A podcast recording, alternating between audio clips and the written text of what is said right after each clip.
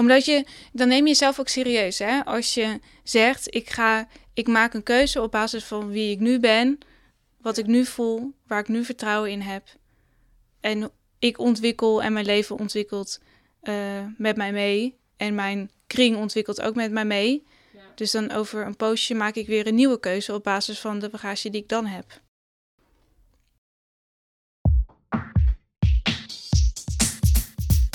Hoi, leuk dat je luistert naar Jonge Wegen, de podcast. Mijn naam is Annette en voor mij gaat het dit jaar gebeuren. Ik ga afstuderen. En hoewel het natuurlijk een feestelijke aangelegenheid is, brengt deze periode ook de nodige stress en vragen met zich mee. Is dit het moment waarop ik het allemaal uitgevogeld moet hebben? Wat wil ik nou eigenlijk? Wie ben ik nu eigenlijk? En ik heb wel een diploma, maar wat kan ik nu eigenlijk? Waarom voelt het alsof iedereen altijd weet wat hij aan het doen is en ik maar wat aanklungel? Hoe doen anderen dit? Om erachter te komen hoe anderen hun antwoorden vinden op deze en nog veel meer vragen, ga ik in gesprek. Ik spreek jongvolwassenen en bijna volwassenen die in hetzelfde schuitje zitten of zaten en er alle op hun eigen manier mee omgaan. In deze podcast praten we over keuzes maken, stappen zetten, erachter komen wat je wil en nog veel meer. Wil je niks missen? Volg me dan op Instagram via @jongewegen en abonneer je op de podcast. Ja, hallo. Ik ben weer thuis vanaf de boerderij en het was super lekker weer. Dus ik had geheel zoals verwacht geen zin om achter mijn computer te gaan monteren. Maar ik heb wel heel veel onkruid gewiet en rabarbers uit de grond getrokken en nog meer nobele taken. Oh, en ik wacht nog steeds met smart op mijn scriptiecijfer. Dus ik heb van alles gedaan, maar niet geëdit. Dus deze is iets later dan gepland. Maar hier is hij dan. In deze aflevering spreek ik mijn studievriendin Joanne. Wij kennen elkaar vanaf dag 1 van ons studentenbestaan en nu ik afstudeer wil ik samen terugblikken op hoe zij haar studententijd heeft ervaren. En wat maakt nou dat zij nu het vertrouwen heeft om lekker aan het werk te gaan, terwijl ik dat dus nog steeds best wel spannend vind. Joanne en ik hebben verschillen en overeenkomsten in onze achtergrond. En ik vind het altijd boeiend om daarover te praten. Dus ik heb haar uitgenodigd om daarover nog eens even de diepte in te gaan. Hoe komt Joanne aan zo'n diep geworteld vertrouwen in zichzelf en in haar loopbaan stappen? Welke rol speelt haar christelijke achtergrond nu nog voor haar in het bouwen van haar toekomst? En wat zijn haar prioriteiten in haar nieuwe werkende leven? We gaan snel luisteren. Dit is mijn gesprek met Joanne.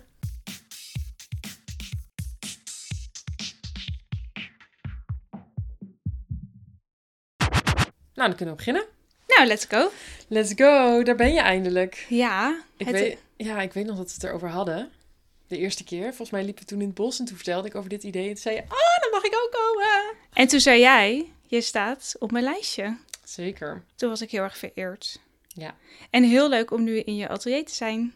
Ja, dat had je nog niet gezien, hè? Daar was ik ook nog niet geweest. Ja, klein maar fijn. Heel mooi. En die kleur op de muur? Ja, dit kunnen de... I love it. Hoe zou je het beschrijven voor de podcastluisteraar? Oeh, misschien wel wijnrood. Ja, ik vind het grappig, want als je meer bij het, bij het raam komt, vind ik het meer een soort van appeltjesrood. Ja. En dieper in het lokaaltje vind ik het wijnrood. Klopt. Zo zou ik het ook eh, omschrijven. Maar dat is denk ik ook zodra je de wijn gaat drinken. Hè? In het begin is het nog, Mooi. nog fris Ja. en, en licht. En op een gegeven moment wordt het dieper en je gaat dieper in het gesprek. Ik heb net vanochtend een les gegeven over alcoholgebruik. Dat alvast een Oh. sneak peek. Oh, of alcoholgebruik of alcoholmisbruik? Gebruik. Op dit moment nog gebruik. Dus wat je omschrijft, hè, dat je eerst eh, gewoon ziet zoals het is. En Ja. daarna wordt het steeds vager of juist helderder, hè? Als je alcohol hebt gedronken. Ja. Is dat zo, ja? Wordt het dan helderder? Ik denk altijd dat ik het helderder zie, maar de dag erna valt het vies tegen. Ja, dan denk je, hmm, het was toch niet zo helder als ik dacht. Ja. Ehm, Joanne, super fijn dat je er bent. En je hebt al, eh, je zit al met spanning te wachten op het theekaartje. Dus Ah. Ja. laten we gewoon meteen beginnen met de Pickwick Praat. Pickwick Praat. Pickwick Praat. Ik ben dus heel bang dat hier iets in wordt gevraagd over Disney of over sprookjes. Dat ken ik namelijk niet zo goed. Ik denk dat mee. Oh, wat is de perfecte snack voor bij de thee? Oh, dit vind ik echt iets voor jou. Ja, ik ben best wel een zoete kou. Ja. Ehm, dus iets zoets is meteen mijn antwoord. Mhm. Ik zit zelf dan meteen te denken aan een mergpijpje. Weet je wel, dat koekje? of aan de rode Tony's. En die is dan dus melkchocola. Die is dus melkchocola. Ik vind het zo verwarrend. Ja, dat is heel verwarrend. Waarom hij hebben ze dat heel- gedaan? Is dat een marketingtruc? Nou, volgens mij wel. Want als je in die wikkel kijkt van Tony's, Ja. dan staat er zo'n verhaaltje waarom ook de chocola oneerlijk is verdeeld. Ah, Omdat dat dus ook met slavernij en zo te maken heeft. Juist. En dat het volgens mij dus ook blauw is. Blauw is dus puur. en Ja. rood is melk. Om als een soort van eh, statement van het is oneerlijk verdeeld. Of niet Ah. alles is zoals we het gewend zijn, zoiets. Ja, oh, ik dacht meer dat het bedoeld was zo van... dan denk je dus dat je melk koopt, kom je thuis, heb je puur gekocht... heb je helemaal geen zin in, moet je terug, moet je er nog een kopen. Oh, dat.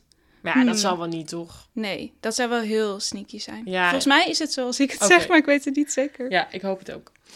Oké. Maar jij dan? Wat is jouw favoriete snack bij de thee? Nou, ik, ik krijg bij jou altijd chocola aangeboden. Dat vind Ja? ik altijd best wel een goede keus. Mhm. Mm, en bij mijn ouders aten we vroeger stroopwafels, maar dat vind ik best wel enorme dingen. dat Oeh, vind ik altijd zo heftig. Je hebt nu ook van die kleine rondjes, hè? Ja, maar dan, dan eet ik er gewoon alsnog zes. Ja, maar het staat zo leuk dat je dan zo'n schaaltje met van die kleintjes kunt. Ja, er zit wel wat in. Ja. Ik hou zelf niet zo van karamel, dus ook niet van stroopwafels. Nee? Nee? Oh. Maar stroopwafel zonder stroop is wel echt na- bijna niks. Nee. Maar dat zou denk ik wel mijn voorkeur hebben.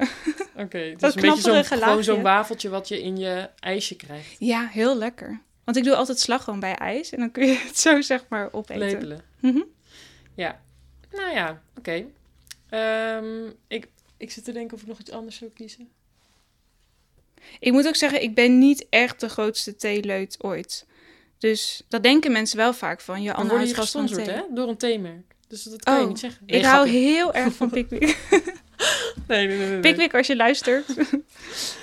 Nee, ehm, maar ik vind het wel, als je thee drinkt, ga je geen chips eten. Nee, klopt. Nee, mee eens. Goed, laten we overgaan tot de belangrijke zaken. Ja. Ehm, zoals ik al zei, Joanne, Mhm. wil je vertellen wie ben je en wat doe je? Ja, leuk. Nou, ik ben dus Joanne. Ik ben 25 jaar, net 25 jaar. Ehm, ik heb pedagogische wetenschappen gestudeerd met als master maatschappelijke opvoedingsvraagstukken. En dat heet tegenwoordig Youth Education and Society. Ehm, en ik werk nu met heel veel plezier als adviseur gezondheidsbevordering bij de GGD. Bij een van de GGD-regio's. Superleuk. Ja, dat Een is echt vol. topbaan. Ja. En hoe je begon, dat is ook direct hoe wij elkaar kennen. Dat is misschien wel leuk om te vertellen, want we hebben allebei pedagogische wetenschappen gestudeerd. Mhm. En vanaf dag één zaten wij bij elkaar in het groepje. En Ja. wij vonden het een beetje een suffe bedoeling. Want wij dachten, we komen niet alleen om te studeren. We komen voornamelijk ook voor een heel leuk... eh, Studentenleven. Precies. En dat, dat- volgens mij waren we ongeveer de enige in ons groepje die dat dacht. Klopt, ja. En we hadden Ehm, ook meteen een programma al in Utrecht zelf. Niet Ja. alleen op de universiteit, maar... Precies. Maar goed, zonder alle andere mensen dan sukkels te noemen in dat groepje. Dat gaat natuurlijk helemaal niet op. Ehm, was dat wel meteen een aanleiding voor ons om elkaar beter te leren kennen. En Mhm. waarin we een klik vonden van iets waarin we hetzelfde dachten. Ja. Ehm, maar we zijn beter bevriend geraakt en we hebben meer met elkaar gepraat. En toen vonden we ook best wel veel dingen waar we niet hetzelfde over denken. Of waar we gewoon andere Ja. normen en waarden hebben. Mhm. Ehm, en dat is altijd wel een heel mooi onderwerp van onze vriendschap geweest. Dat we daar heel veel goed over kunnen praten. Zeker, ja. Dus ik hoop, dat is ook de aanleiding eigenlijk geweest dat je hier in de podcast bent uitgenodigd. Omdat ik hoop dat we dat hier ook een beetje kunnen bespreken. Ja. Ehm, om even terug te gaan naar die studietijd. Jij hebt pedagogische wetenschappen gekozen. Mhm. Wil je nog even vertellen hoe je daarbij bent gekomen? Ja. Nou, op de basisschool dacht ik altijd, ik wil juf worden. Want ik vond dat gewoon, denk ik, heel leuk. En ik zag me ook wel echt iets doen met kinderen. En dat vond ik ook heel leuk om bijvoorbeeld eh, met zo'n eh, clubje of zo... een beetje leiding te geven aan wat jongere kinderen. Dan was ik zelf twaalf bijvoorbeeld. Ja. En dan was er iets in het dorp georganiseerd. En dan ging ik daar dan een soort leiding geven. Dus dat vond ik heel erg leuk. Ehm, maar toen kwam ik een soort van eh, per ongeluk op het VWO terecht. Ehm, nou, Oh jee. ja, per ongeluk. Nou, meer dat mijn juf dacht dat ik HAVO zou gaan doen. Of Mhm. moest gaan doen. Maar er was alleen een HAVO-VWO-klas naar de school, op de school waar ik naartoe ging. En toen bleek dat eerste jaar super goed te gaan. Dus toen heb ik VWO gedaan. En toen dacht ik, zo na de vierde of zo, dacht ik, nou, dan wil ik misschien ook wel naar de universiteit. In plaats van bijvoorbeeld de PABO gaan doen. Ja. En toen kwam ik al snel bij pedagogische wetenschappen. Want dat ligt dan eigenlijk best wel in het verlengde. Ja. je hebt ook de academische PABO. Maar toen had ik opeens dat lesgeven. Dacht ik, nou, dat hoeft niet per se van mij. Ik zou ook wel richting de jeugdhulp willen. Ja. Dus zo heb ik die keuze gemaakt. Oké. Wat ik trouwens dan wel leuk vind als ik daaraan terugdenk. Ik had gewoon al vanaf het begin van mijn middelbare schooltijd besloten van ik ga naar Utrecht. Helemaal nog niet dus bedacht van welke studie ga ik dan doen. Mhm. Eh, maar ik wilde zo graag naar Utrecht, want mijn broer woonde daar ook. En ik dacht, dat is echt helemaal de stad waar je wilt zijn. Mhm. Ehm, dus ik ben ook alleen maar naar open avonden, of hoe noem je dat? Ja, naar open avonden geweest, ja. open dagen geweest in Utrecht. Dus ik dacht, ik hoop dat hier een studie is die eh, bij me past. Dus zo werd het pedagogische wetenschappen. Oké, Ja. dus, dus bij aanvang was het stad voor studie. Ja, zeker. En is, is dat gebleven? Nou, dat is wel gebleven, ja. Want ook voor de master die je dan moet kiezen natuurlijk na je bachelor... zeiden ook wel mensen van... oh, maar je hebt bijvoorbeeld in Leiden of in Amsterdam... heb je ook hele goede masters die kunnen aansluiten bij wat je wil. Toen dacht ik, ja, dat zou wel kunnen. Maar dat ga ik echt niet doen. ik blijf gewoon in Utrecht. Ja, dat is jouw stad. Ja, zo, ja. En, en ook tijdens je studententijd, want je bent ook actief geweest bij een studentenvereniging. ja, klopt. Hoe heeft zich dat verhouden tot je studietijd? Nou, eigenlijk ook dus wat wij in de eerste week al een beetje zo tegen elkaar zeiden van we willen ook echt heel graag naast een studietijd ook een hele leuke studententijd. Dus ik ben inderdaad heel actief geweest bij een studentenvereniging. Ehm, en daar lag in het begin ook wel echt heel erg mijn focus, omdat onze studie was in het begin ook helemaal niet zo heel druk en dat ging me ook best wel goed af. Ja. Dus daar heb ik heel veel tijd doorgebracht. Ja, Ja. ik heb ook een bestuursjaar gedaan bijvoorbeeld daar. Dat ik Mhm. dacht van nou, daar wil ik wel een jaar eh, studie eigenlijk voor studievertraging mee oplopen Ja. om een jaar me gewoon daar helemaal eh, in te storten, zeg maar. Voor in te zetten ook. Ja. Nou, vooral dat, hè. Vooral inzetten in plaats van instorten. Ja. Dat hoop je dan.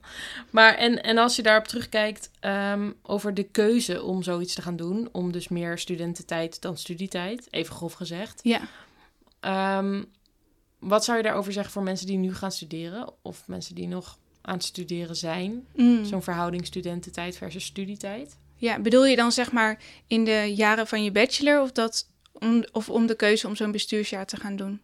Ja, ik bedoel gewoon in de zin de verhouding studententijd versus studietijd. Je kunt natuurlijk als je wil best wel snel afstuderen. Mhm. Eh, je hebt ervoor gekozen om dat dus, eh, omdat je actief was binnen een studentenvereniging, niet te doen. Ja, En ook wel eens gekozen om niet de hoogste cijfers te halen, omdat je gewoon eh, vol voor dat Precies. studentenbestaan ging. Hoe kijk je daarop terug en hoe zou je dat aan andere mensen meegeven? Mhm. Ja, ik, ik kijk daar zelf echt wel heel goed op terug. Dus ik ben wel blij dat ik dat zo heb vormgegeven. Waarbij ik wel moet zeggen dat ik ook wel echt een serieuze student was. Nou, wij allebei. We hebben natuurlijk Mhm. heel veel projecten ook samen gedaan. Ja. Ehm, dus ik heb niet het idee dat mijn studie echt geleden heeft onder mijn studententijd. Maar dat het heel goed samen kon gaan. Ja. En ik heb ook bijvoorbeeld een vriendin die dan een heel andere studie doet. En die fulltime stage moest lopen, bijvoorbeeld. Ook al gewoon in de beginjaren, zeg maar. Dus dan kun je ook gewoon veel minder actief zijn in zo'n Ja. studentenleven. Dus dat kwam gewoon heel goed uit. Ja. Ehm, maar ik zou ook nooit zeggen dat een, bij een studentenvereniging, studentenvereniging gaan, dat dat echt het ingrediënt is om een leuke studietijd tijd te hebben. Nee. Dat kan natuurlijk ook uit je huis komen of uit leuke vrienden die je Ja. maakt. Dus dat zit voor mij niet gekoppeld aan een studentenvereniging. Nee.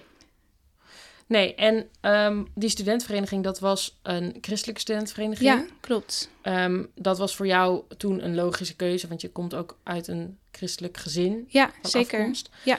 Ehm, wat betekent dat nu voor jou? Dat je uit een christelijke achtergrond komt? Ehm, ik ben daar heel erg blij mee dat ik christelijk ben opgevoed. Ik ben zelf ook eh, nog steeds overtuigd christen, om het zo te zeggen. Ehm, dus ik vind dat heel waardevol dat ik dat vanaf, het, vanaf jongs af aan heb meegekregen. Ehm, maar ik ben ook heel blij dat eh, ik wel echt ben opgegroeid in een gezin dat ook aandacht had of oog had voor andere ideeën of meningen. Precies. Daar kan natuurlijk best wel wat verschil in zitten. Ehm, dus ik vind zelf dat ik echt wel open ben opgevoed.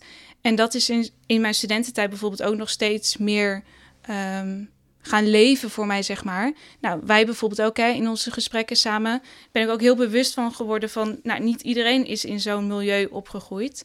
Ehm, maar de normen en waarden die ik mee heb gekregen en die ik zelf nu ook aanhang, daar ben ik gewoon heel positief over, zeg maar. Dus daar ben ik echt blij mee. Ja, En ook dat het in zo'n studententijd bij zo'n vereniging helemaal samen kan gaan met een studietijd waar je ook heel andere mensen ontmoet, zeg maar. ja. Ja, mooi dat je dat zegt. Maar want ehm, als ik denk, en ik denk veel mensen met mij, aan een soort van prototype christelijke achtergrond. Ja, snap ik. Ehm, denk ik dat daar best wel een soort van stereotypering bij hangt van ehm, snel door je studie heen, snel huisje, boompje, beestje en je Ja. gaat wonen in het dorp Ja, eh, waar je bent opgegroeid. Ja. Even gechargeerd, hè? snap ik. Ik snap eh, dat dat niet altijd zo is, maar dat, dat heerst wel, dat Mhm. beeld. Mhm.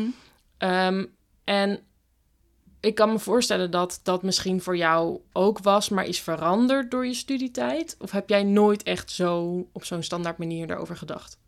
Nou, ik herken die standaard manier zeg maar wel heel erg. Ook Ja. uit de, de families die ik heb bijvoorbeeld en het dorp waar ik in ben opgegroeid. Ik ben namelijk ook in een dorp opgegroeid. Eh, dus dat herken ik heel erg. Ehm, en dat is denk ik in mijn jeugd ook wel een norm geweest van, nou, zo, zo gaat dat. Ehm, maar ik ben zelf de jongste in mijn gezin. En ik zie ook aan mijn broers en zus dat zij een, een ander pad bewandelen. En niet per se dat stereotype van eh, vier jaar studeren, trouwen, kinderen krijgen en dat is het dan. En verhuizen, terug verhuizen naar het dorp waar je opgegroeid bent. Ehm, dus van heel dichtbij heb ik al gezien van dat kan ook op hele andere manieren. En in mijn studietijd, ja, daar kom je dan natuurlijk ook achter dat eh, de toekomst voor iedereen wat anders inhoudt en wat anders betekent. En bij zo'n studentenvereniging zie je ook mensen die soort van dat stereotype pad bewandelen. Wat overigens ook heel leuk en eh, ja, heel leuk kan zijn natuurlijk. Eh, maar ook mensen die daar heel andere keuzes in maken. Ja.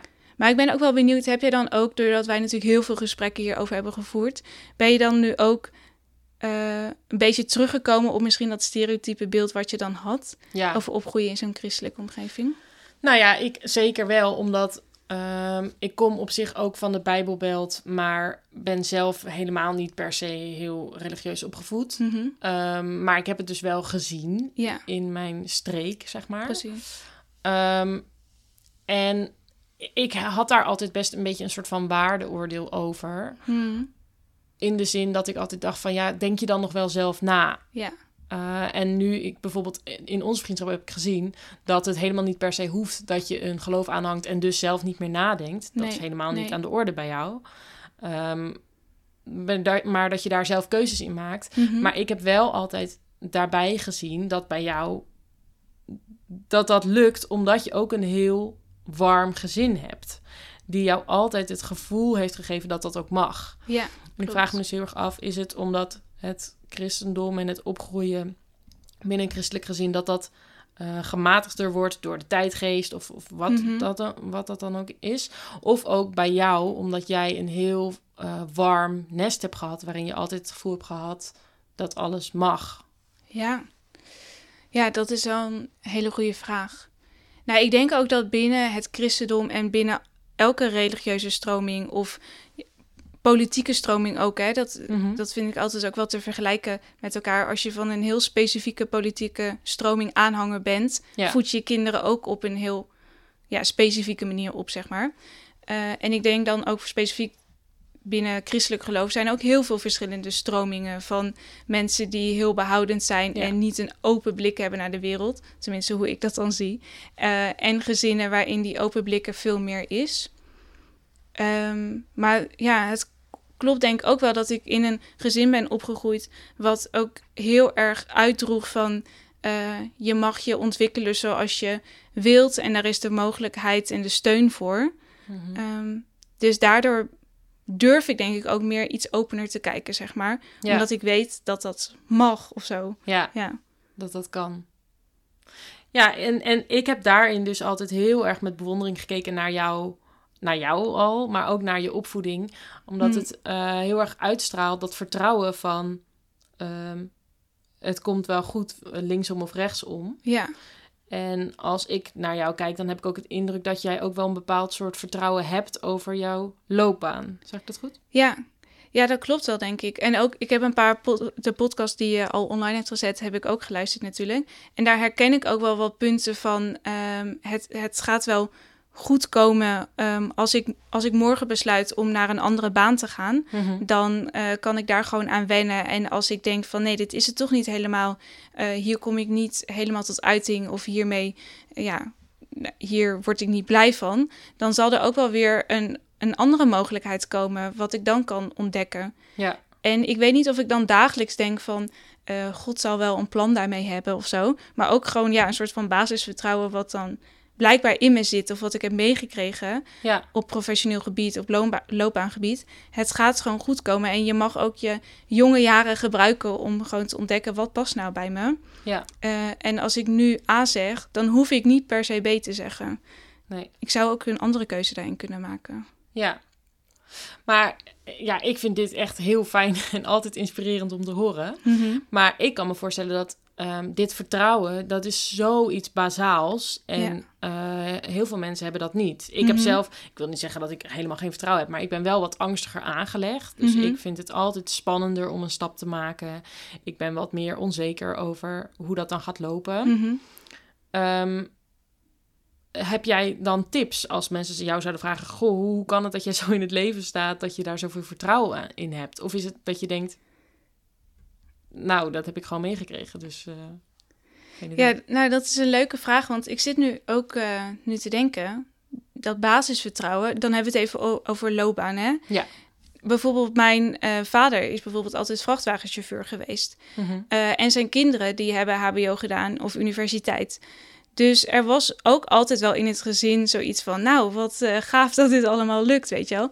En daar waren mijn ouders dan ook altijd heel trots op. Dus dan denk ik, ja, misschien komt het vertrouwen ook daar wel uit. Van, nou, het gaat, het gaat hartstikke goed met ons en wat bijzonder dat we eh, naar HBO of naar universiteit gaan. Ehm, dus misschien is daar ook wel dat vertrouwen dan op gestoeld van, Ja. al hartstikke dankbaar dat dit allemaal lukt. Ehm, maar zelf heb ik ook wel vaak zoiets wat ik net zeg. Als je A zegt, hoef je niet per se B te zeggen. Ik hoor gewoon vaak om me heen. ehm, ja, maar als ik nu naar dat traineeship ga, dan kan ik dus nooit meer me bezighouden met het onderwerp wat ik ook interessant vind, maar helemaal hier niet bij past. Ja. En dan denk ik altijd, joh, je bent nog hartstikke jong. Dat, dat gaat heus wel lukken Ja. dat vindt wel een weg naar buiten, zeg maar. Als je echt eh, daar heel graag ehm, mee aan de slag wilt. Dat gaat echt wel op je pad komen. Ja. En als dat niet nu is, dan hopelijk over tien jaar. Je hoeft daar nu niet elke dag al helemaal bij stil te staan en stappen in de goede richting te zetten. Mhm. Je hebt hopelijk nog een heel leven voor je waarin je dit gewoon kunt gaan ontdekken. ja. Dus dat zou wel echt mijn tip zijn. Dat als je ehm, die rust kunt vinden om gewoon te doen wat op dit moment goed voelt. Ja. Je kunt alleen maar een keuze maken op eh, basis van wat je nu weet en wat je nu kunt. Ja. Ga dat gewoon doen. En dan voel je vanzelf wel eh, of dit bij je past of niet. Ja. Wat op je pad gaat komen. Ja, dat is waar. Dus toch dat vertrouwen. En als je dat misschien niet vanuit vroeger hebt meegekregen, dat dat, dat dan ook te ontwikkelen is door zelf stapjes te durven zetten en daar jezelf in te vertrouwen. Ja, Ja. dat denk ik inderdaad. Want je neemt jezelf natuurlijk wel altijd mee in welke stappen je ook gaat Ja. Maar ik heb bijvoorbeeld stage gelopen bij een gemeente. En daar heb je echt nog een beetje die, die hiërarchie, zeg maar. Mhm. Tenminste bij die gemeente. En daar was dan een senior beleidsadviseur. En ik dacht echt, nou, dat is echt zo'n topvrouw, weet je wel. Die moet haar hele leven lang al in de jeugdzorg hebben gewerkt. Maar toen kwam ik er dus achter dat zij tot vijf jaar geleden altijd huizenmakelaar was. Ze had haar eigen bedrijf, et cetera. Nou, echt heel anders dan de jeugdzorg. En al helemaal anders dan werken bij een gemeente. Eh, en dat vond ik gewoon zo inspirerend. Want zij dacht gewoon na 30 jaar of zo van... nou, ik wil ook heel graag nog in de zorg werken of bij een gemeente werken. En toen is ze gewoon in korte tijd... is ze gewoon daar terechtgekomen bij die gemeente. Mm. En toen dacht ik, ja, dat voorbeeld noem ik heel vaak... maar dan denk ik, oké, nu zou mijn hart helemaal bij de jeugdzorg bijvoorbeeld kunnen liggen. Als ik over 20 jaar heel graag iets wil doen rond de energietransitie... dat zou gewoon kunnen, want dat Ja. vindt dan wel zijn weg, zeg maar. Daar heb ik gewoon vertrouwen in. Ja. Ja, ik denk dat het wel heel mooi is dat dit, dit beeld vaker wordt uitgesproken. Want er hangt denk ik rond heel veel studenten en mensen die zijn afgestudeerd... een soort van druk van... ik heb dit gestudeerd, dus nu moet ik hier ook mijn leven aan wijden. Ja, Ja, wat ook mag. maar Ja, dat, tuurlijk, dat mag ook helemaal. Want als dat bij je past, ook Mm. helemaal goed. Maar ik werkte bijvoorbeeld een jaartje bij een onderwijsbureau. Ehm, en daarin hadden we heel veel ehm, opleidingen voor mensen die zich wilden laten omscholen naar iets in de zorg. Dus daar kom je allerlei mensen tegen. De een had in de gevangenis gewerkt, iemand anders had, was manager bij een supermarkt. En die, wilde, nou, die hadden toen ontdekt van ik wil toch iets graag doen voor mensen en met mensen. Mhm. Daar zijn gewoon allemaal mogelijkheden voor. Dan laat je je een jaar omscholen. ja. En dan kun je gewoon doen waar, eh, ja, waar je blij van wordt en wat je belangrijk vindt. ja. Dus dan denk ik, ja, die mogelijkheden zijn er gewoon. Ja, maar is het dan. het ergens uh, voel je dan ook een soort van the sky is the limit in jouw verhaal. Snap je wat ik Mhm. bedoel? Ja. Maar, ehm, eh, ja, maar voel je dan ook een bepaald soort druk om dan dus ehm, dat ook waar te maken? Want ergens kan ik me ook voorstellen, a- als, als je zegt, ja, mijn vader was vrachtwagenchauffeur, dus we vinden het Mhm. eigenlijk allemaal al heel bijzonder wat er plaatsvindt. Ja. Ehm, voel je dan daaruit ook een soort van druk van, dus het moet ook altijd het beste zijn. Het moet altijd het hoogst haalbare zijn. Of juist, nee, wacht, ik stel weer een gesloten vraag. Dit was de vraag. Punt. Punt. Vraagteken. Mm, ja, wat is the sky is the limit natuurlijk? Mm. Ehm, dat is denk ik dus ook voor iedereen weer anders. Want mijn sky zou dan denk ik zijn om ehm, later als ik ouder ben, dat ik dan bijvoorbeeld eh, directeur word van een basisschool. Dat lijkt Ja. me iets wat ik heel graag zou willen. Maar dan denk ik, ja, daar ben ik nu nog te jong voor en daar wil je wat meer ervaring voor hebben. Eh, maar dat is een- best wel een eh, sky die je goed kunt bereiken. Mhm. Ehm, dus dat, dat vind ik wel een lastige vraag. Want ehm, als ik heel graag een super goede, goed lopende eigen onderneming zou willen, dan zou ik daar wel heel erg mijn leven voor moeten veranderen, denk ik. Met, zeg maar mijn Hm. professioneel leven. Ja. Maar wat nu mijn droom is, dat ligt best wel in het verlengde, snap je? Ja. Dat vind ik wel lastig om daar dan antwoord op te geven. Ja. Maar je voelt niet. ehm, ik denk dat ik, dat ik meer ook de kant op wilde van. Voel je dan dat, dat je. Omdat alles mocht en iedereen was altijd al heel blij van vroeger van. Mhm. Hè, wat doe je het goed en wat zijn we trots op je? Voel je daar dan gewoon bij alles wat je doet. Dit is goed genoeg en wat ben ik ook trots op mezelf? Mhm. Of voel je dus ja, oké, maar dit moet ik nu dus ook wel waarmaken. En ik moet ook wel binnenkort die volgende stap weer maken. Nou, eigenlijk het eerste. Dus Ja. dat ik denk, hartstikke goed. En ik ben ook nu in deze baan, ben ik ook echt wel trots op mezelf. Omdat ik denk, dit zit precies zeg maar op het snijvlak van, dit kan ik goed en ik word Ik uitgedaagd uit, en ja. het is uit mijn comfortzone. Dus dat vind ik dan zelf eigenlijk nu een hele fijne match. Kijk, bij mijn vorige baan dacht ik dat niet. Toen dacht ik, nou kom op Janne, even een stapje harder lopen, want dit is niet wat er in je zit of zo. Of er zijn meer mogelijkheden. Hmm. Ehm, maar nu denk ik, nou, hartstikke fijne plek op dit moment. Ehm, dus dan is dat voor mij nu eigenlijk goed genoeg. Ja, Klinkt dat nu heel erg niet ambitieus? Nee, helemaal niet. Maar ook, dat is misschien ook, ik ken jou en ik, ik zou jou echt nooit beschrijven als niet ambitieus. Mhm. Maar ehm, ik vind het wel interessant wat je zegt over bij je vorige baan. Je hebt trouwens echt al zoveel gedaan, dat is echt niet normaal. Je hebt echt al best wel veel baantjes gehad, Ja, 25. nou leuk.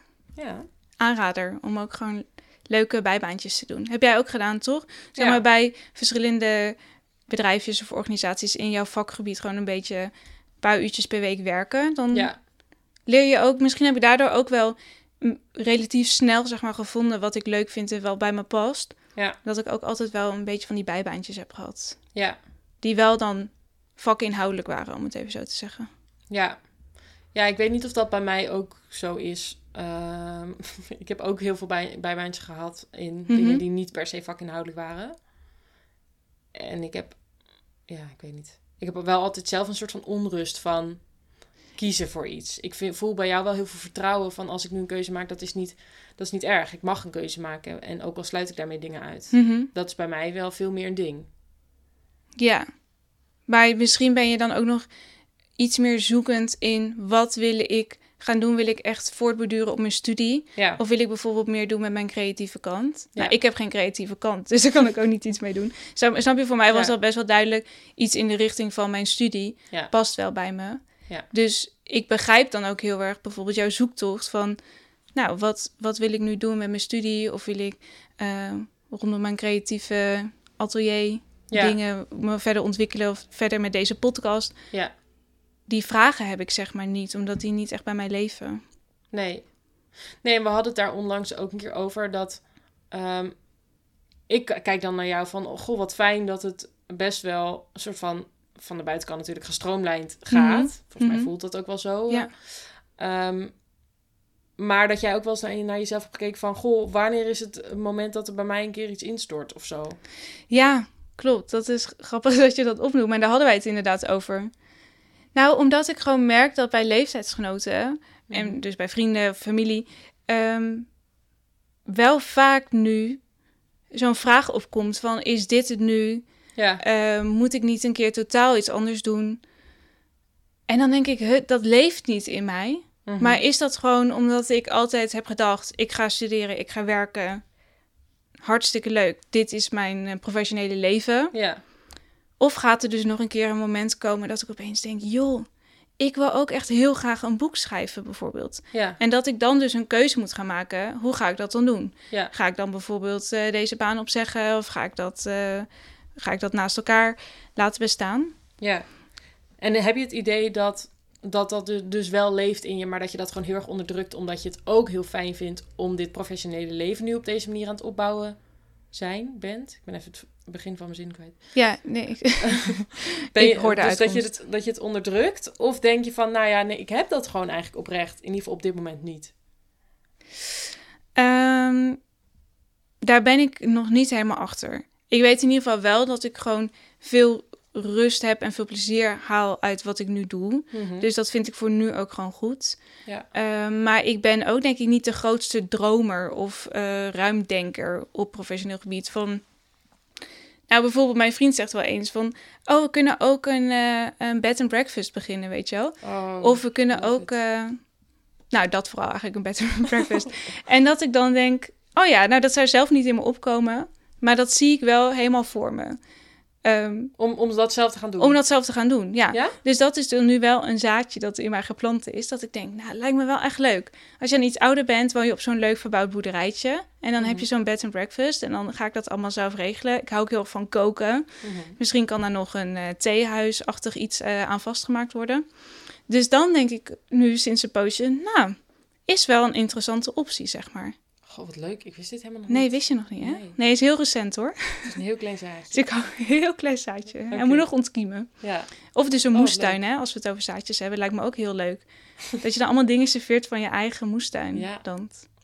Maar dat is dus helemaal eh, ver weg van jouw eh, studierichting. Ja, En ehm, voel je dan ook niet een soort van spanning als je over dat soort dingen nadenkt? Want het is ook wel heel lekker veilig om gewoon lekker bij de GGD dingen te blijven doen en in de jeugdhulp. ja. Ja, precies. Dus ik kan me nu nog niet echt voorstellen dat ik daar dan helemaal mee zou stoppen. Nee. Dan zie ik het meer voor me van rustig beginnen. Ja. Drie dagen het een, twee dagen het ander bijvoorbeeld. Ja.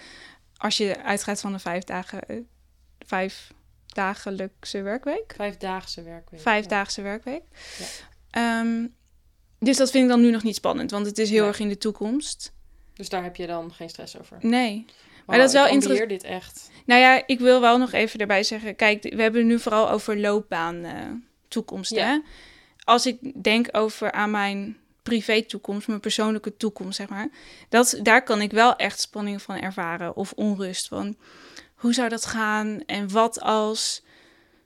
ehm, nou, bijvoorbeeld over een gezin krijgen, weet je wel. Ik zou echt heel graag moeder willen worden. Mhm. Dan kan ik me best wel druk maken van... maar wanneer is daar dan een goed moment voor? En ik hoop dat dat dan wel lukt. En wat als Ja. ja, wat als dat je niet gegeven is? Eh, Dat is wel een hele grote droom. Dat, dat kan echt heel erg in mijn hoofd zitten. Maar Ja. dat heb ik dus op professioneel gebied helemaal niet. Nee, Dus dan zou ik graag een dat. beetje van mezelf willen leren. Van die twee kanten, ja. Grappig is dat. Maar bijvoorbeeld over zo'n gezin dan, denk je dat dat dan ook ergens een soort roots heeft in jouw, ehm, jouw achtergrond van het dorpse, waarvan je zelf al zei van, nou, er zijn best wel veel mensen die gewoon jong kinderen krijgen en een gezin stichten. En... Ja, nou wel deels hoor. Want dat merk ik nu ook wel bij vrienden of familie die nog zeg maar uit dat dorp komen. dat die daar nu dan mee beginnen, ook eh, rond 24, 25. Ehm, dus aan de ene kant komt dat wel dan daaruit voort. Ja, sorry, ik, ik doe even Nee. mijn hand omhoog, want eh, er is een ambulance. Ja. Oh, er komt er nog één. Het is druk. Ja, sorry, ik heb je onderbroken, maar misschien... Dat geeft niks. gaan. Ehm, dus aan de ene kant zie ik dat heel erg terug vanuit mijn omgeving waar ik ben opgegroeid. Maar als we het specifiek dan hebben over kinderen krijgen, is dat wel ook echt heel erg een verlangen in mezelf, zeg maar. Dat voel ik Ja. wel echt heel erg. Dat het niet is van mijn ouders willen heel graag nog wat kleinkinderen, maar dat ik dat zelf ook heel Ja. graag zou willen. Ehm, dus ik denk niet dat dat per se van... Dat, ja, dat wordt misschien wel verwacht, maar ik vind die verwachting helemaal prima, want dat verwacht ik zelf ook. Ja. Ja. ja.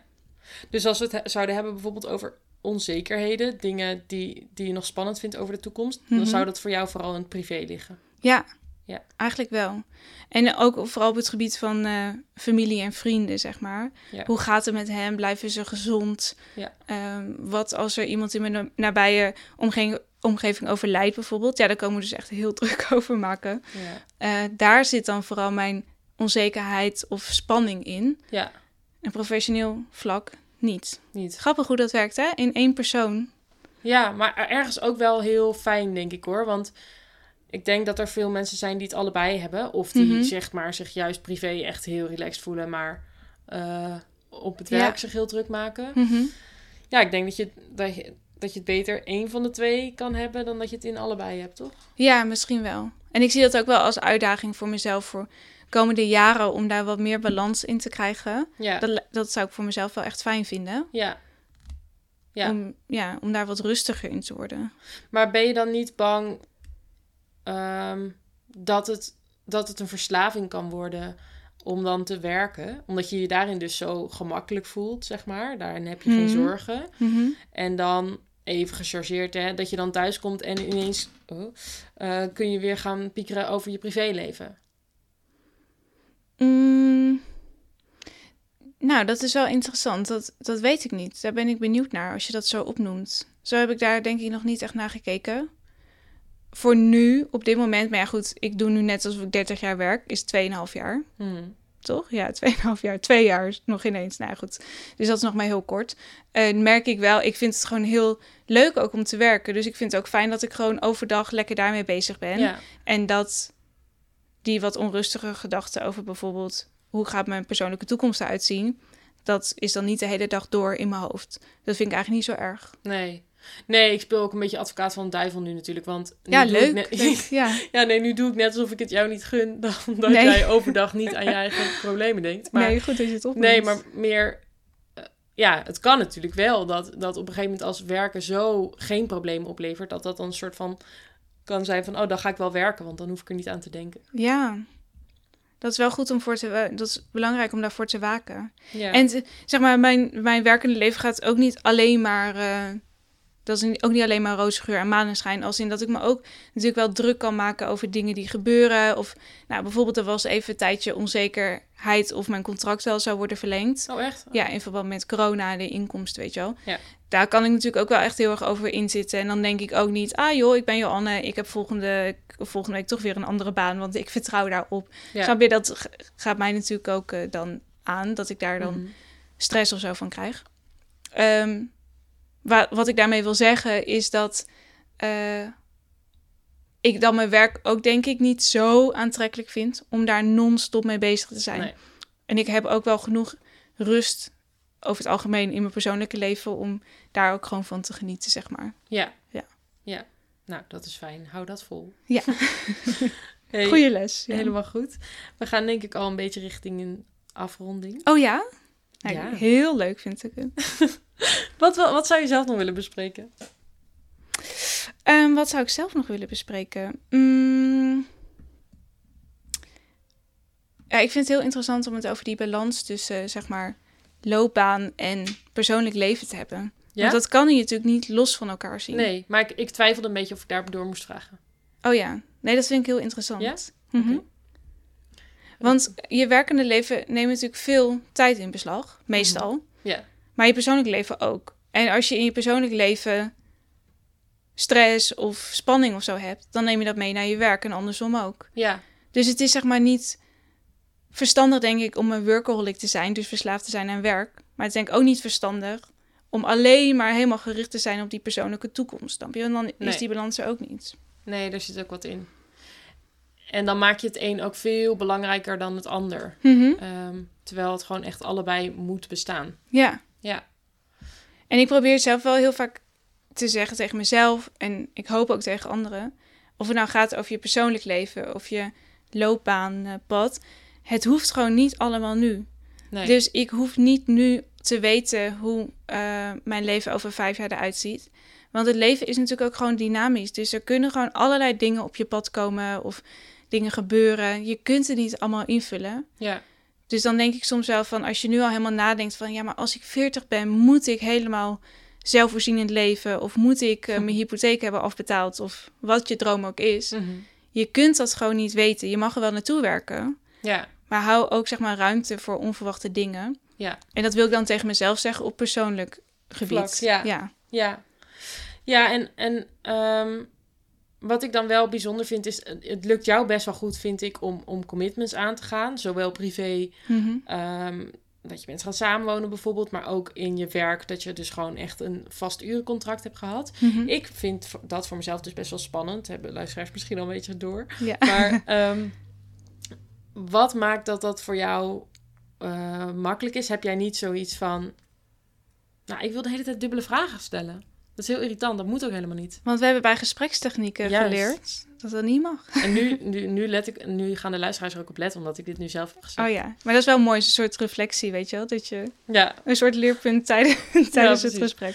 nee, goed. Wat ik Ja. wil vragen is, eh, hoe lukt jou dat goed om zo'n commitment aan te gaan en niet bang te zijn van wat als ik het volgende maand niet meer wil?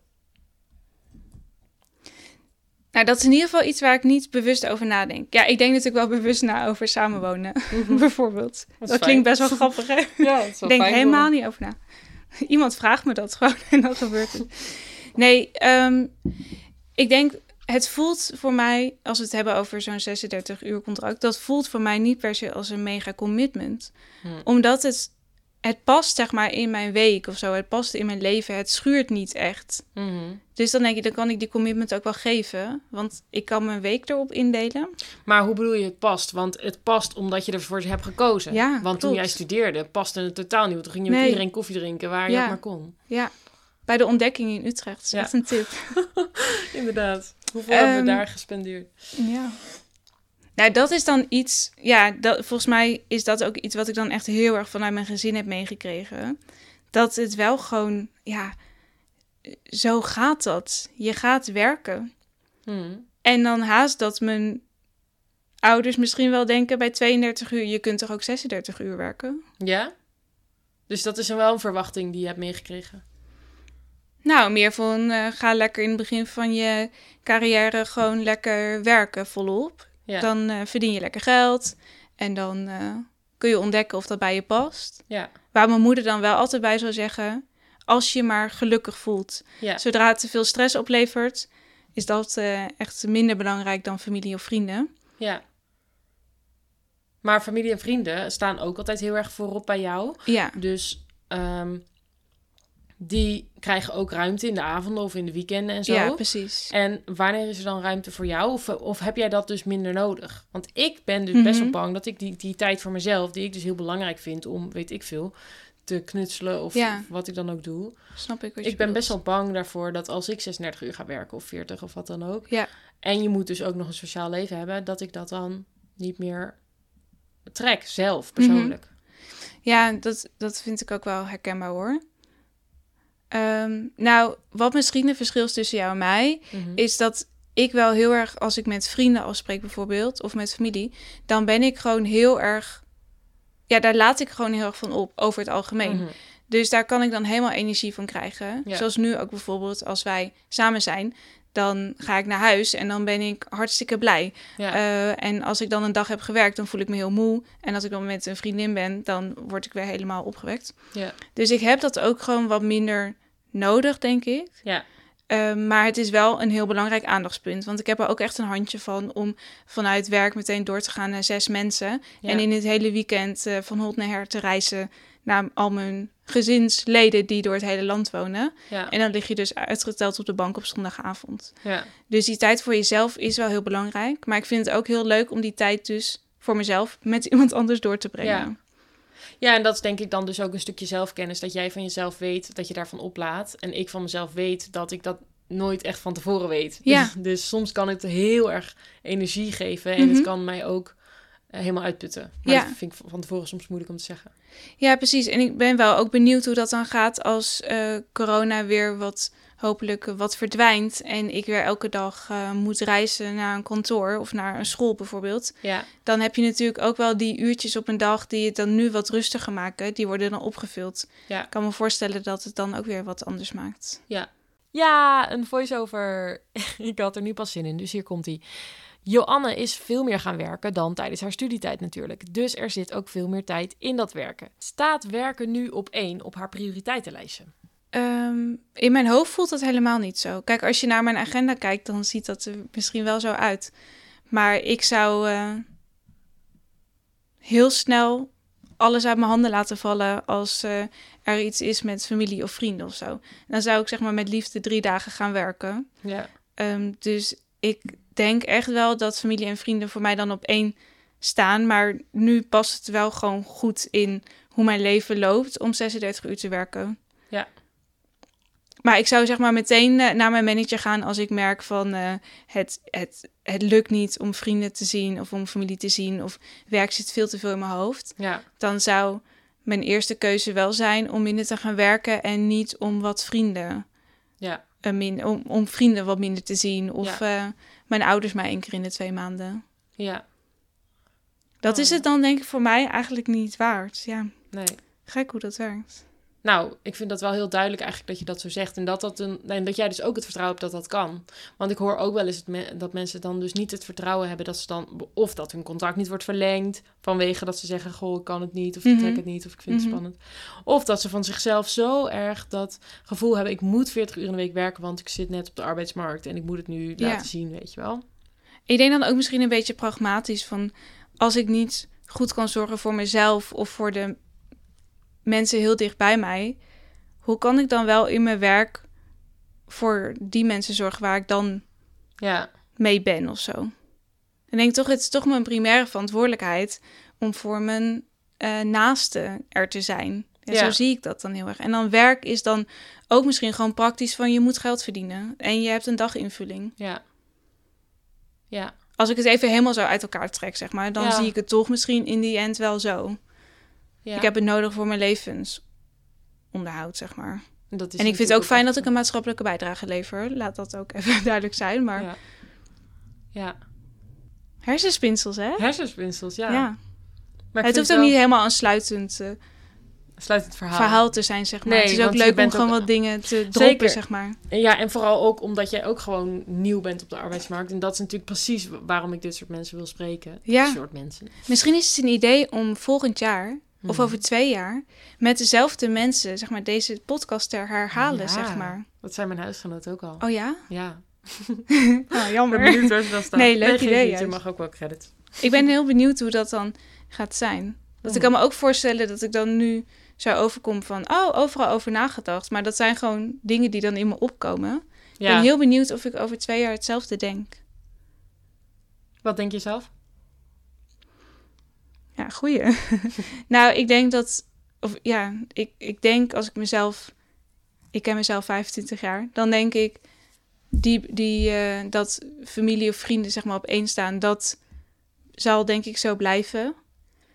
Maar ik ben heel benieuwd wat voor uitdagingen en nieuwe ervaringen ik dan opdoe in mijn loopbaan. Misschien maakt dat dan ook wel dat ik denk... oké, nu ga ik als een speer richting Zus of zo. die functie of zo. Ja. En daar wil ik eh, alles voor laten. Of alles voor doen eigenlijk. Ja. Ja, dat weet ik eigenlijk niet. Maar wat je eerder ook al zei, je kunt alleen maar kiezen naar wat je op dit moment in het nu, eh, wat zich voordoet. Ja, daar ben ik wel echt heel erg voorstander van. Ja. Omdat je, dan neem je jezelf ook serieus, hè? Als je zegt, ik ga, ik maak een keuze op basis van wie ik nu ben, wat Ja. ik nu voel, waar ik nu vertrouwen in heb. En ik ontwikkel en mijn leven ontwikkelt eh, met mij mee. En Ja. mijn kring ontwikkelt ook met mij mee. Ja. Dus dan over een poosje maak ik weer een nieuwe keuze op basis van de bagage die ik dan heb. Ja. Anders Fijn. maken we het onszelf ook heel moeilijk. Ja, dat is ook echt zo. Ik heb het mezelf ook, denk ik, echt al vaak zo moeilijk gemaakt door te denken, wat dan? Hmm. Maar dat- is er gewoon nog niet. Nee. Klopt. Zeg, wil je nog met mij in de tijdmachine? Oeh, spannend, een tijdmachine. ja. Oké, de tijdmachine. Ja. Hoe dacht jij? Ja, we hebben het al een beetje besproken. Hoe dacht jij toen je klein was over de toekomst? Ehm, wat, ik dan wil, wat ik dan wilde worden? Nou ja, dat weten we al een beetje, hè? Ja. Je wilde juf worden, dus misschien eh, wil je er nog iets anders over vertellen. Nou, ik moet nu opeens denken aan dat een juf in groep 3 aan mij vroeg. Of aan de hele kring vroeg. Wat wil je laten worden? En toen dacht ik moeder. Maar toen zei het meisje voor me, die zei moeder. En toen zei ze, nee, dat kan niet. Ik bedoel iets waarvoor je moet studeren. En toen heb ik heel snel gezegd, eh, zuster. Zeg maar, verpleegster. Maar dit is toch eigenlijk al heel kwalijk, hè, Ja. vind ik, dat zo'n juf dat zegt. Maar wel grappig, toch? Daar moet ik nu heel even aan denken. Ja, ik vind dat wel kwalijk, want, Ja. eh, nou ja, goed, maar goed. Maar goed, ik dacht aan de toekomst van... ehm, we zien het wel, alles is mogelijk. Ik word in ieder geval moeder. Dat dacht ik, ja. Ja. En nu nog steeds? Ik hoop het. Maar er zijn wel heel veel eh, facetten nog bijgekomen. Ik ben blij dat je dan nu ontdekt dat het leven meer is dan dat. Ja, en je bent er ook achter gekomen dat je daar een man voor nodig hebt, hè? Ja, klopt. Ja. Dat wist ik toen ook nog niet. Precies. nee. Altijd een tweede partij. Ja, precies. Heel belangrijk. hey, en ehm, wat is nu het meest belangrijk voor je in je leven? Ehm, ja, ik val wel in herhaling. Ja, ik weet Maar het. dat is echt mijn gezin, mijn beste vrienden en mijn relatie. Ja. Dat is echt zo. Ja. Dat weet jij, hè? Dat het zo is. Ja, ik weet het. Dus Ja. ik durfde het hem ook, ik durfde hem eigenlijk al bijna niet te vragen, maar goed. Eh, anders zit je niet echt in een tijdmachine, dus dan telt hij niet. Dat is ook jammer. Dan val ik eruit, ja. Nou, de laatste vraag nog van de tijdmachine. Hoe hoop je op je oude dag terug te kijken op je eigen leven? Ik hoop dat ik dan eh, trots ben op mezelf. Op hoe mijn leven is gelopen. En dat ik eh, dankbaar ben voor de mooie momenten die dan zijn langsgekomen. Maar ook hoop ik dat ik dan dankbaar ben voor de leermomenten. Dus voor dingen die niet meteen goed gingen of voor keuzes die niet goed hebben uitgepakt. Ik hoop dat dat me dan eh, sterk heeft gemaakt. En dan hoop ik dat ik op mijn oma lijk, die 94 is geworden, ehm, die vol dankbaarheid en trots terugkeek op haar leven. En dat vind ik gewoon heel bijzonder. Ja. Dus ik hoop dat ik daar dan zo zit. Met mijn grijze haren. ja. Die nu al beginnen. Echt? Ja, ik zat pas geleden bij de kapper, grijze haren. Oh, Maar goed, jee. dat is weer iets anders. Ja. Dankjewel. Hebben we, zijn we nog iets vergeten? Ik ben heel trots op je. Dat je zo deze podcast helemaal vormgeeft. Hartstikke leerzaam voor mij als gast en hopelijk ook voor jou. En ook voor mensen die luisteren. Dat hoop ik ook. Heel leuk. Ik ben heel benieuwd wat ze vinden van jouw verhaal. Ik ook. Ja, Ik zal meelezen op Instagram Ja. en de socials. Goeie. Andere socials. goeie. En ik zal het doorsturen als ze een vraag voor je hebben. Dat Oh. kan natuurlijk, hè. Je kunt een vraag stellen aan Joanne. Leuk. Zeker. Mag ook via LinkedIn. ja, precies. Krijg ik allemaal verzoeken weer. Ja, precies. hey, ehm, dan ga ik nu echt afronden. Dankjewel. Oké, doei doei. doei doei. Yes, dat was mijn gesprek met Joanne. Oh, even de ventilator uit. Ja, Joanne is en blijft zo'n fijne gesprekspartner en inspiratiebron voor mij. En ook dit keer neem ik weer iets mee. Vooral haar hoofdboodschap blijft me bij. Het hoeft niet allemaal nu. Mede door haar ervaring bij een omschoolbureau heeft ze gezien dat het echt kan om ook later nog je pad om te gooien. De weg ligt niet vast en Joanne heeft echt het vertrouwen dat alles zijn weg wel vindt en dat als je A zegt je echt niet altijd B hoeft te zeggen. Het grote is dit het nou gevoel, dat voelt Joanne niet zozeer. En dat komt dus misschien wel omdat ze weet dat als ze wil, ze altijd een ander pad in kan slaan. Hoewel zij een hele fijne basis hiervoor heeft gehad in haar gezin, geeft ze ook aan dat je dit vertrouwen in jezelf kunt ontwikkelen. Je neemt jezelf serieus door actief zelf keuzes te maken op basis van wie je dan bent op dat moment en te vertrouwen op de bagage die je al hebt opgebouwd. Je ontwikkelt jezelf ook nog door en je krijgt nieuw bagage van waaruit je dan ook in de toekomst weer nieuwe keuzes zult kunnen maken. En dan nog mijn laatste takeaway. Als je niet goed kunt zorgen voor je naaste en voor jezelf, kun je ook niet goed zorgen voor de mensen voor wie je werkt. En zo is de cirkel toch weer rond dat je het een niet los van het ander kan zien. Dankjewel Joanne dat je er was. Ik vond het super fijn en eh, altijd goed om met je te praten over dit soort onderwerpen en jouw perspectief te horen. En eh, ik verwacht dus de volgende keer een heel burgerlijk eh, mergpijpje bij de thee. Doei! Dit was hem alweer, een nieuwe aflevering van Jonge Wegen, de podcast. Ik ben heel benieuwd wat je ervan vond en wat jouw ervaringen zijn. Laat jij juist op van contacten met vrienden of heb je vooral tijd voor jezelf nodig tijdens je drukke werkweek? En wat neem jij mee vanuit je opvoeding? Een diep geworteld vertrouwen of wil je dat nou juist nog meer voor jezelf ontwikkelen? Je kunt het me laten weten. Volg me op Instagram via @jongewegen en stuur me een berichtje. Je kunt de podcast ook volgen op je favoriete podcastkanaal en als je het nou leuk vindt, kun je me ook delen met je vrienden en familie. Dat zou ik natuurlijk heel leuk vinden, want ik hoop dat zoveel mogelijk mensen waarde kunnen halen uit deze gesprekken.